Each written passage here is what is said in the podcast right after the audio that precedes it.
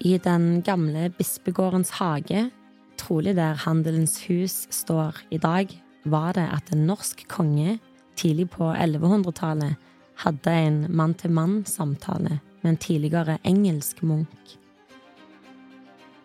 Den tidligere munken Reinald var blitt biskop i det nyoppretta bispedømmet Stavanger. Det var den norske kongen Sigurd Jordsalfaret som var i bispegården. Det var han som leda verdens første korstog og bar navnet etter Jesu by, Jerusalem. Blikket og handelen ute i hagen var starten på en sakral skandale som endte med en hellig handling og et nytt kapittel i norgeshistorien.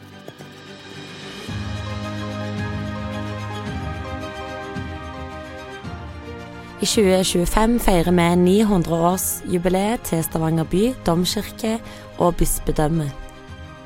I denne podkasten får du historier fra Stavanger i 900 år.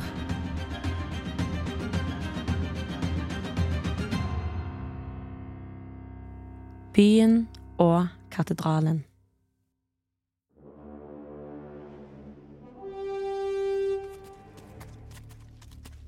Sigurd Jordsalfaret var konge i Norge på begynnelsen av 1100-tallet. Ifølge sagaene var han stor av vekst med brunt hår, mandig, men ikke særlig vakker. Han kunne framstå tverr, bisk og morsk. På denne tida ville paven at kristne europeiske krigere skulle dra til Midtøsten for å befri hellige steder fra hedningene og kristne dem i samme slengen. Først ut av alle var Sigurd fra Norge. Målet var Jesu land, Jerusalem, eller jordsal, som man sa i Norge, da.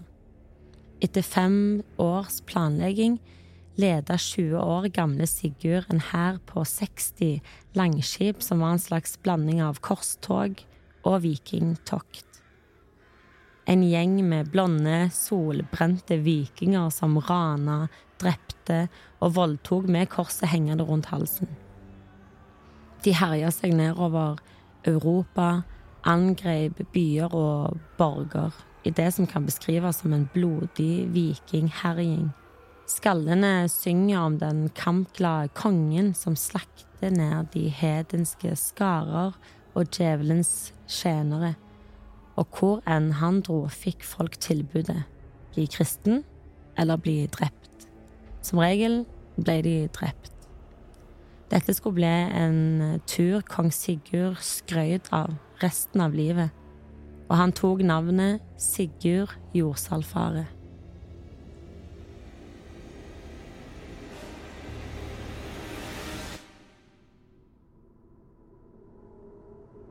Men når Sigurd kom hjem til Norge, ble han tung til sinns. Med tiden gikk han mer og mer inn i sin egen verden. Han hadde ikke lenger trang til å fullbyrde sitt eget skjøds lyster ute i verden. Nå var blikket retta mot sin egen hjemmebane. Som så mange konger før han hadde han fått nok av sin frue. Han ville ikke lenger være med sin russiskfødte dronning Mannfri. Kong Sigurd hadde kasta sitt faste og forelska blikk på den unge frøken Cecilia. Han ville ha selskap av Cecilia når mørket stadig senka seg over kongens sjel. Men selv om folka rundt kongen oftere og oftere kunne tenke at han var blitt gal, var Sigurd Jordsalfaret opptatt av ekteskapelig orden ovenfor sin gud. Han ville ha biskopen og kirkens bønn om evig velsignelse for sitt partnerbytte. Tidlig på 1100-tallet var kongens ord og loven. Allikevel fikk Sigurd Jordsalfaret et kontant nei fra bergensbispen på sitt ønske om å skille seg. Biskop Magne i Bjørgvin var nøye med kirkeloven. Nå kunne jo Sigurd bare gjøre som sine forgjengere i kongerekka trekke på skuldrene og allikevel leve ut sitt nye kjærlighetsliv på sine eldre dager. Men Jerusalem-fareren Sigurd ville jo ha velsignelse fra sin herre. Da kom han på den gamle munken, eller den tidligere munken, han som nå var gjort til biskop i det nye bispedømmet på Sør-Vestlandet. Korsfareren Sigurd Jordsalfaret måtte ut på tur igjen, denne gangen til Stavanger.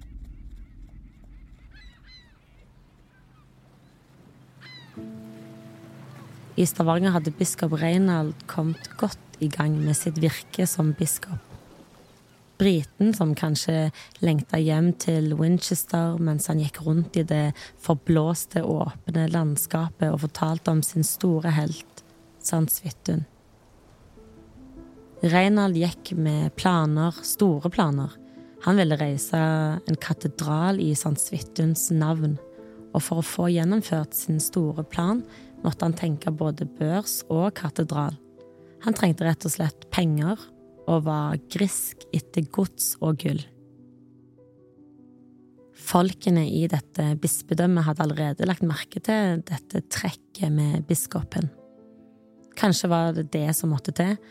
Kanskje det var erfaringene hans fra kirkebyen Winchester som gjorde at han, best av alle i Stavanger, visste at en katedral ikke bygga seg sjøl og at det koster. Byggekassen måtte rett og slett fylles opp med mer enn løfter.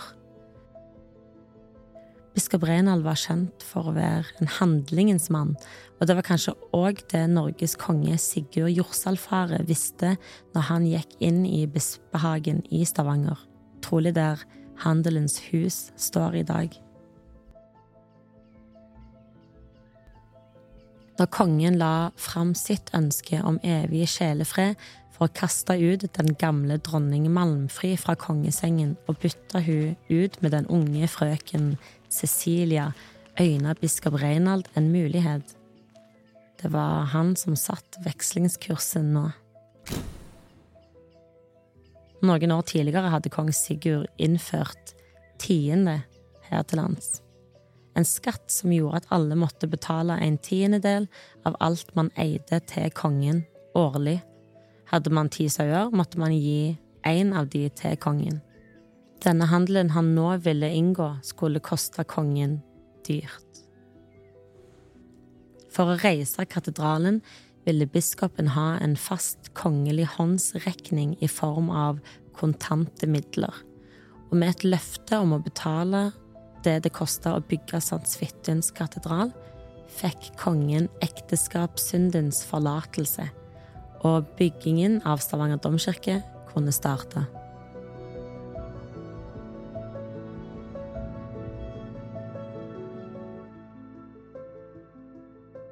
Men dette er 900 år siden. Det er lang tid. Stemmer egentlig denne historien om biskopen og kongen? Altså, han er jo litt, hva skal vi si, litt juicy, da. Sant? Altså, det er jo ganske mange både historiske og nå arkeologiske bevis på at eh, domkirken var i alle fall påbegynt bygget lenge før Sigurd kom inn i bildet. Arkeolog Hilde Fyllingen har jobba med utgravinger rundt domkirka. Han var ikke, sannsynligvis ikke i Norge engang når de startet byggingen, og det var i alle fall før biskopen kom til Stavanger. Hvorfor fikk vi domkirka? Ja, det er et godt spørsmål. Eh, det vi vet, det er at det var kristne begravelser på stedet før domkirken ble bygget. Det har vi arkeologiske bevis for. Sannsynligvis har det vært en mindre trekirke på stedet. Så ble, begynte man byggingen av en steinkirke, hvor mange, i alle fall forskere, tror at den i utgangspunktet kan ha begynt som en fylkeskirke, men da senere blitt oppgradert til en domkirke. Sannsynligvis så var jo katedralbyggingen i gang, om ikke ferdig, når Reinald kom. For det å komme som biskop til Norge, eh, det var ikke en sånn tilfeldighet, det er jo et embed. Eh, han var ikke en tilfeldig munk som de har plukket ut og bare dratt med seg. Dette her er høy politikk, og ganske, ganske avansert i forhold til hvem du ville ha allianser med, og hvem som skulle representere Gud. Altså å være representanten for paven i Stavanger. Hvem var det som brakte han her? Det vi vet, det var jo at eh, de norske kongene, den norske adelen, har jo hatt tette bånd tilbake til Sør-England, og spesifikt Wessex, da, til, langt tilbake til 800-tallet. Håkon den gode, for eksempel, han jo, bodde jo hos kongen i Wessex, kong Athelstan, og fikk sin oppdragelse der. Kom tilbake til Norge med presteskap som kristen rundt 930. Eh, vi vet at Olav den hellige dro bort og bodde der i en periode når han var landsforvist fra Norge. Så man har hatt ganske sterke bånd over veldig lang tid med dette kongedømmet i Wessex, og til dels også i Normandie. Eh, sånn at kontaktene har jo vært til stede allerede for, for å få den, si, den ansettelsen eller innsettelsen av biskopen. Men var det egentlig et behov for en domkirke i Stavanger? Ja, var det det? Eh, det er også et veldig godt spørsmål. Nei, altså, vi snakker jo her om politikk. Det er jo veldig mye politikk inni dette, sant. Eh, Stavanger eller Norge var jo heller ikke en Vi var ikke en øy som var langt vekke fra Europa. Vi var en del av et kulturfellesskap i Europa. Det må ikke vi glemme. Hvor spesielt de, altså aristokratiet, reiste mye nedover Europa fikk med seg kristendommen, de drev handelsvirksomhet, og de så nok det at det å ha et sterkt bånd til kirken, og at kongen kunne ha støtte i kirken, det var jo en økonomisk gevinst for kongen. Inne i Vågen i Stavanger er den beste havnen i området. Eh, og vi vet, vi vet, jo fra arkeologiske funn at det var faktisk et handelssted, altså en kaupang, i Stavanger i vikingtid. Og det har vært et sentralsted hvor folk har kommet til De kan komme gående landveien eh, fra Jæren. Du kommer deg inn med båt fra Gansfjorden, fra Ryfylke, fra Haugalandet, og det er en trygg havn. Sånn at det ikke er tilfeldigheter som gjør at det blir bygget kirke på stedet.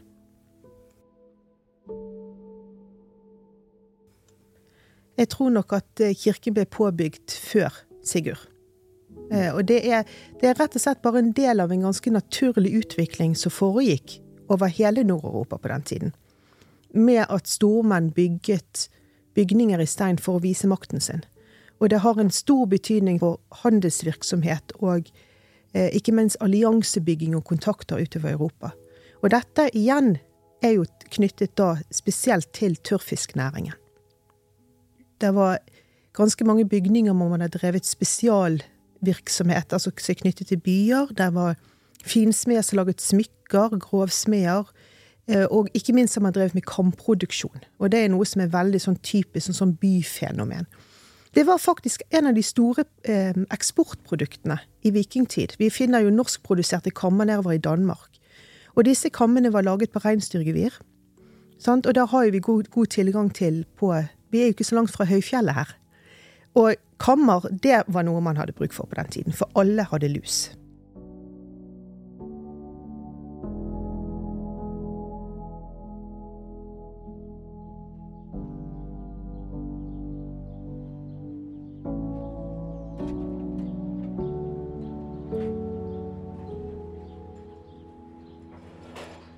I desember 2022 går gravemaskin Grabben beherska rundt domkirka. De som graver rundt domkirka i Stavanger, er forsiktige. Litt og litt graver de seg ned i små grøfter før de må fylle igjen de to-tre meter lange skikkehullene til fortida, før de så graver seg videre. I et av disse hullene rundt domkirka sitter arkeolog Hilde og hennes kolleger på huk. Et godt bevart skjelett blir forsiktig avdekka. Akkurat i dette tilfellet så var stemningen ganske høy, det må jeg si. Det var rett og slett en tilfeldighet. For det var et overvåkingsarbeid i forbindelse med grøfting på østsiden av kirken. Eh, og så dukket det opp et kullblandet lag altså et lag med rett og slett kull, altså et avfallslag. Og de som sto med overvåkingen, tok kontakt med oss, og vi gikk ned og undersøkte. Og så ser vi det at det var i dette kullaget eh, så var det kuttet et hull. Og i det hullet, ja, der dukket opp beinet. Hilde hadde lang erfaring med skjeletter og ser fort at dette er snakk om en ganske lang og voksen mann. Og dette lå såpass dypt. Vi snakker om en, en dybde på eh, kanskje 1,2 meter under dagens bakkenivå. Altså det vi kan se, eh, er at han var ganske lang. Han må ha vært kanskje mellom 1,80 og 1,90. Han var ut ifra Vi fikk jo bekkenbenet til slutt ut. Han så ut som en ganske smalt bygd. Men han hadde også veldig kraftige muskelfester i beina, spesielt i leggene. Påfallende muskelfester. Og eh, liggende i en retning at vi fikk et inntrykk av at dette må være en av disse eldre gravene som var anlagt faktisk før steinkirken ble bygget. Og det fikk jo vi bekreftelse på, for vi sendte inn prøver til datering. Vi sendte inn prøver på datering både fra kullaget og direkte bein på han mannen som lå i graven. Den grøftegraven vi skulle jo gå fram. Eh, og i tillegg så hadde vi sikkerheten. Det er sikkerheten både til mannskapet med dype sjakter, men også kirken. Så vi fikk faktisk ikke lov til å grave frem hele skjelettet. Så halvparten av mannen han ligger der fremdeles. Altså, Vi kan ikke si nøyaktig hvor gammel han er, i og med at vi mangler hodeskallen og ikke kan se på tannslitasje. Men han har vært voksen, så han har nok vært i alle fall over 30 år når han døde. Vi finner eh, ganske mange lange menn i Stavanger. Eh, og det har nok litt å gjøre med livsstil og diett. For det første så er jo ikke det en kjempestor befolkning, så det er ikke så veldig mye press på ressursene. Og så har du også god tilgang til mange matressurser, ikke minst fisk. Sånn, så de har hatt eh, god tilgang på proteiner, spist mye fisk, og det påvirker også høyden. Og vi tror at han kan ha, ja, kan ha dødd i et tidspunkt kanskje mellom 1050 og 1100. Det vil si at la oss si han var 40 år da han døde, da. Så var han født en gang mellom år 1000 1070. Da har han vært i live når Erling Skjalgsson ble drept av, av uh, Olav, for eksempel. Han har vært i live når slaget ved Stiklestad sto, og Norge ble samlet til ett rike. Det kan også godt være at han har kunnet sett de første byggingene, de første omrisset av den nye steinkirken. Han kan også ha vært en del av det. Det vet vi heller ikke. Han, er, han ble begravet på østsiden av kirken, som er et veldig hellig sted. Han kan godt ha vært en av prestene, eller en av kronikene, eh, brødreskapet i kirken de som ble begravet rundt, rundt de enkelte kirkene, er jo de som sogner til kirken, først og fremst. Men så er det også regler for hvor langs kirken du ligger. Ligger du på østsiden, altså der blir du begravet med hodet mot vest. Når du da står opp fra de døde og skal da møte Kristus, så vil du, du kunne se, se, Kristus rett i blikket. Dette er et veldig fint sted å ligge. Eh, nordsiden av kirken, som er på skyggesiden av kirken, er eksempel ikke regnet som like fint. Hvem denne lange mannen var, er vanskelig å si sikkert, men funnet av hans bein kan fortelle arkeologene mye om hva og når ting har skjedd der domkirka står i dag. Og funnet er en ny brikke i puslespillet som legges for å finne svar på hva Stavanger var før domkirka. Det er mye mer bevart um, rundt kirken på, på en viss dybde enn det vi hadde trodd. For det er jo gjort veldig mye i parkområdet. Så det gir oss jo veldig gode forhåpninger om at der kan finnes mer informasjon. Den lange mannen ble jo funnet før vi startet de store undersøkelsene våre.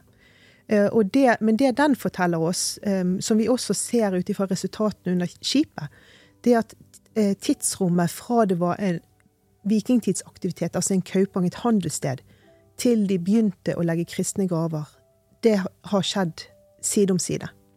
Og det ser vi fordi at denne her mannen er jo kuttet igjennom et, det vi kaller et kulturlag, altså et aktivitetslag fra, fra denne bybosetningen. Så det har ikke vært noe opphold. Man har ikke flyttet fra Kaupangen og så kommet tilbake og startet en kirke. Så her er det noen som har bestemt seg for at OK, dere som driver aktiviteten her på dette høydedraget, dere må flytte ta, flytte ned til Kongsgård eller ned mot Vågen, iallfall vekk, for her skal det ligge en kirke, og her skal vi begrave folk. Hvem kom til Stavanger for å jobbe med domkirka? Det var ikke jærske bønder. Dette var arbeidere rett og slett som var importert fra, sannsynligvis kanskje fra Normandie, men iallfall fra Sør-England. Det krever en ganske lang opplæring for å bli steinhogger, for å kunne bygge en katedral. Og det er et laug og de som er veldig strengt hvordan man kan bygge seg oppover i systemet. Så det var ikke nordmenn som sto for denne byggingen. Dette her var engelskmenn, kanskje franskmenn. Så det har jo vært et yrende liv av fremmedarbeidere med fremmede språk. Vi vet jo ikke om de kom alene, kanskje hadde de med seg kone sine, barna sine. Eh, det å bygge en katedral, det er ikke gjort på en sommer. Det tar kanskje 10 år, 20 år. Hvor du har en byggeprosess hvor du kan støpe på sommeren, bygge opp eh, veggene til en viss høyde, og så må mørtel få sette seg. Om vinteren så forbereder du neste sesong ved å hugge stein. Du må forberede for eksempel stillasene, de var laget av treverk, så du må ut og finne egnet tømmer. Det er en enorm produksjon. Det har vært en enorm byggeplass og yrende aktivitet. Eh, det eneste vi kan sammenligne med, at det har skjedd omtrent det samme i Nidaros, med byggingen av katedralen der. Men det er jo klart, altså de som, de som tilhørte overklassen i Norge den gangen, de frie, de har jo reist mye. De har jo sett dette i utlandet før, og sett steinbygninger. Men for den jevne bonde eller trell som aldri har vært utenfor fylkets grenser, så må jo dette her ha vært revolusjonerende. Sant? Man bygget jo så, så vidt i stein, men det er jo bare en sånn luing av stein for å støtte opp på trevegger. Det ikke kirkebygging med utskjæringer og med den høyden under taket som det har vært, og med de luktene og lydene og alt som dette her har brakt med seg. Eh, og så har du det bygget opp Altså, vikingene eh, var jo ekstremt gode håndverkere. Så jeg tror nok at man tidlig har begynt å lære opp lokalbefolkningen i dette med steinhogging, for å få nye generasjoner. Og en teori her er jo at når domkirken har stått ferdig, fra rundt ja, kanskje fra rundt sånn 1140-1150, så er det en enorm oppblomstring i, i steinbygg i Rogaland.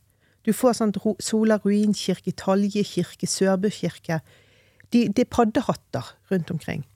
Eh, og dette kan jo også tyde på at du har hatt ganske Det første har mye penger, men også en ganske stor eh, skokk med arbeidere eller folk med spesialkunnskap som da sto uten arbeid.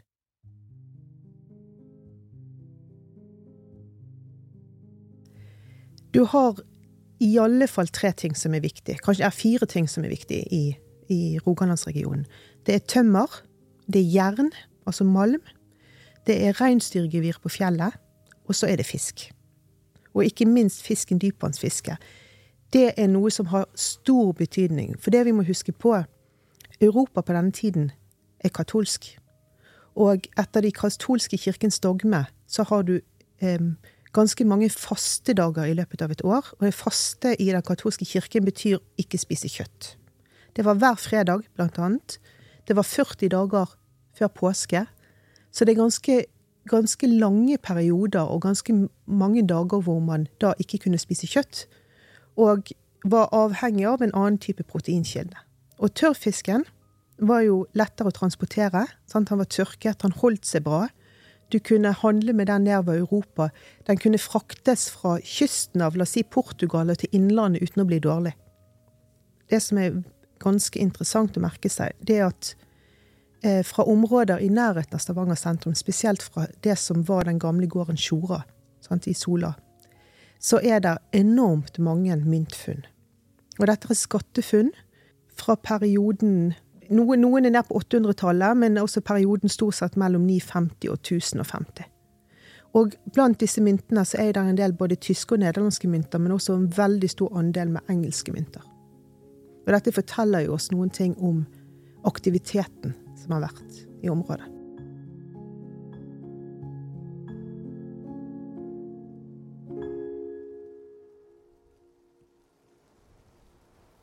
Men plasseringen er jo ikke tilfeldig. Først, for det første så var jo der en Kaupang der. Det var, det var et kjent handelssted som folk dro til. I tillegg så ligger det sentralt plassert selve kirkebygget. Så de som kommer inn landveien, de kom gående rundt Breiavannet. Og de vil gå rett mot østfronten av kirken. De som kom inn, seile inn Vågen, de vil se rett mot vestfronten av kirken. Så uansett om du kom landveien eller sjøveien, så vil du få et ganske sånn monumentalt inntrykk. Eh, og kirkebygget Og det må jo huske også på at det var hvitkalket. Det har jo stått ut i terrenget på en måte som vi kan vanskelig forestille oss. Og så har det vært kirkeklokker. Så har de har de eh, kalt inn til messe, og de har kalt inn til forskjellige, for lyden har nok båret langt av gårde over sjøen. Du bare ser for deg at du kommer seilende inn fra Vågen.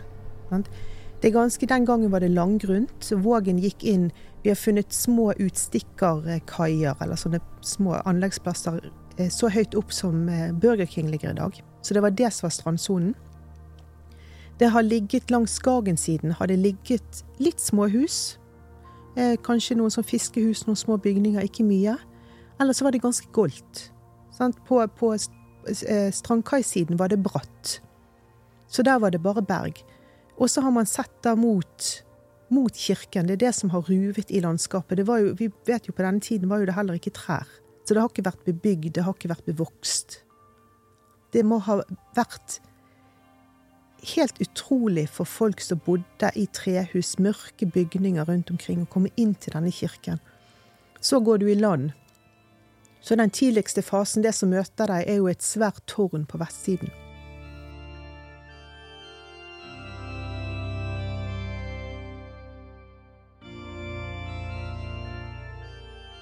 Idet du går inn i kirken, så er det hvitkalkete vegger med malerier på, vi har funnet spor etter. Det er malt i taket, der er sterke farger, der er utskjæringer på søyler. Og dette kombinert da med, med lys fra oljelamper, sant? så du kan tenke deg at du ser ilden har beveget på seg, så det har gitt liv til figurene på søylene. Og så kommer du inn, og så er det brukt røkelse, så lukter det fremmed. Og så er det liturgier på et fremmedspråk, det er sang på et fremmedspråk, og lyden i det kirkerommet det har jo ikke vært benker, det var jo et åpent kirkerom. Altså, det må jo, om ikke folk var religiøse, så må de ha blitt det, tenker jeg, av å gå inn. Det må ha vært en helt utenomjordisk verden for den gjennomsnittlige jærske bonden på den tiden. Altså, bygningen i seg selv er jo monumental. Sant? Så det gir jo en form for identitet du kan jo tenke deg at altså, Nå ble jo det gjort litt på slutten av 1800-tallet med at de meislet vekk eh, eh, hvitkalkingen. Men bortsett fra en del sånne endringer som ble gjort den gangen, så er det den bygningen i Norge som har stått mest uberørt gjennom 800 år. Sant? Altså, alle menneskene har vært sett de samme, de kunne gå tur rundt, rundt, kirken, se på de samme figurene, fortelle historier til barna sine, så igjen forteller de til sine barn. Altså, det er et knutepunkt.